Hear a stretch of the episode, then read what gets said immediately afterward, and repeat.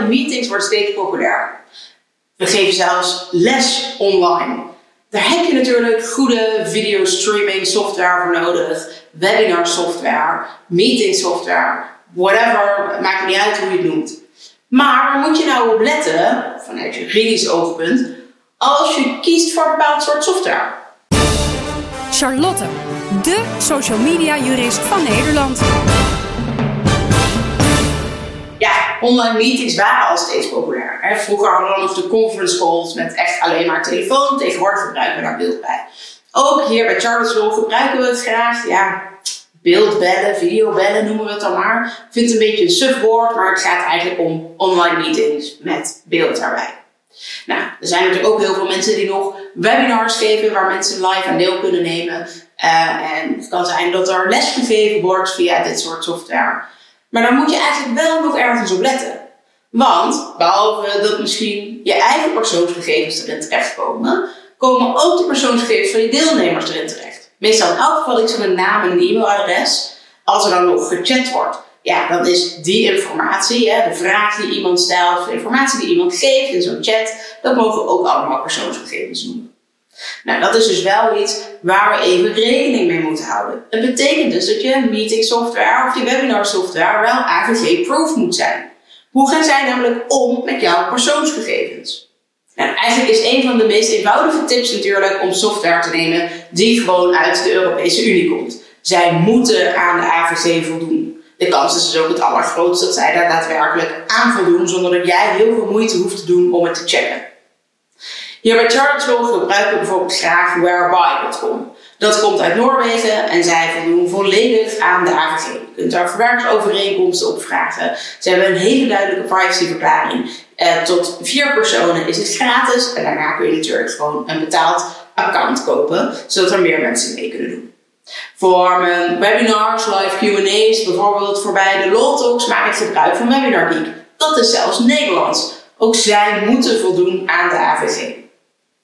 Gebruik je nou software uit het buitenland, eh, en dan bedoel ik buiten de Europese Unie. Denk bijvoorbeeld aan Amerika, waar natuurlijk heel erg veel van dat soort tools vandaan komen. Dan moet je even goed opletten. Belangrijk is dat je er een verwerkersovereenkomst kunt downloaden. Nou, Microsoft biedt zoiets bijvoorbeeld aan, dus je zou Microsoft Teams kunnen gebruiken. Zoom, het komt ook uit de Verenigde Staten. Zij zeggen dat ze aan eh, de EU-US Privacy Shield voldoen. Ja, dan moeten ze dus eigenlijk ook wel min of meer AVG-proof zijn. In elk geval zou je dan kunnen betitelen als, nou ja, niet zozeer een adequaat land, maar wel dat zij passende waarborgen hebben getroffen, waardoor toch die persoonsgegevens naar de VS mogen. Want dat is namelijk wat er feitelijk gebeurt.